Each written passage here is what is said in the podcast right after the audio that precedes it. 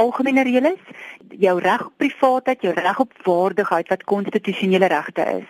So ek is geregtig dat die inligting wat ek met dokter deel en hoe hy my adviseer of sy my diagnoseer tussen my en die dokter bly. Dis die algemene reël. Maar soos die geval is met alle reëls, is daar uitsonderings. As daar iets is wat groter of swaarder weeg as die pasiënt se eie reg, met ander woorde is daar 'n publieke belang, is iets wat swaarder weeg as 'n individu se reg.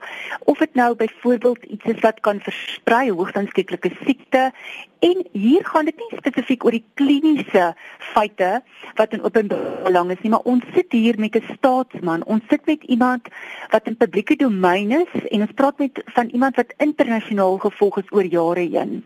Die betrokke partye se rol in die saak moet ook oorweeg word. Die Mandela Trust, waarvan daar sekere partye is wat dit bestuur, die selfkundige ervare mense, ons sit met 'n regter wat hierso deel is as eksekuteur wat betrokke is by die boedel en natuurlik van die uh, familielede wat dit lyk toestemming gegee het vir die boek. Nou is die vraag of die persoon wat daai toestemming gegee het gemagtig was om namens die familie te kan besluit. Dis 'n regsvraag, so die feite moet oorweeg word. En die tweede is of die trust betrokke moet wees hierby.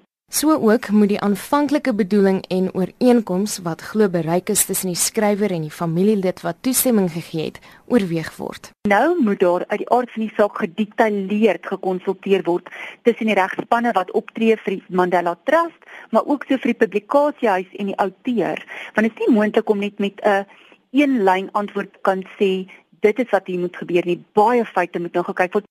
Sy sê op 'n regsgrondslag is dit belangrik vir Ramlakan om te onderskei tussen die mediese dokter en die skrywer. Op watter stadium of tydstip het hy afgesterf was hy klinies aan die lewe gehou en dit word regsvraag wat ook in openbare belang is. So ek dink nie alles wat in die boek staan is noodwendig 'n probleem nie, maar nou sit jy met die inligting wat gekommunikeer is van die dokter se kant af. Was nie alles net oor ou president Mandela se afsterwenstydstip nie, maar ander goed waarmee hy 'n probleem gehad het en ek dink daai inligting spesifiek gaan problematies wees. Volgens haar oorskry dit die grens van vertroulikheid tussen dokter en pasiënt tensy dit deur die trust hanteer is.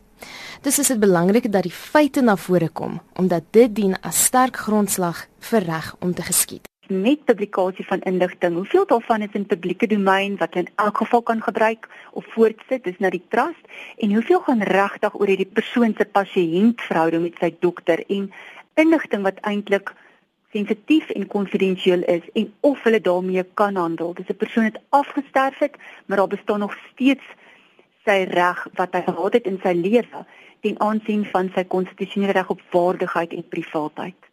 Dit was Adel van der Walt, 'n prokureur by Adel van der Walt Prokureurs wat spesialiseer in mediese reg. Ek is Marlene Forsie vir SAK nuus.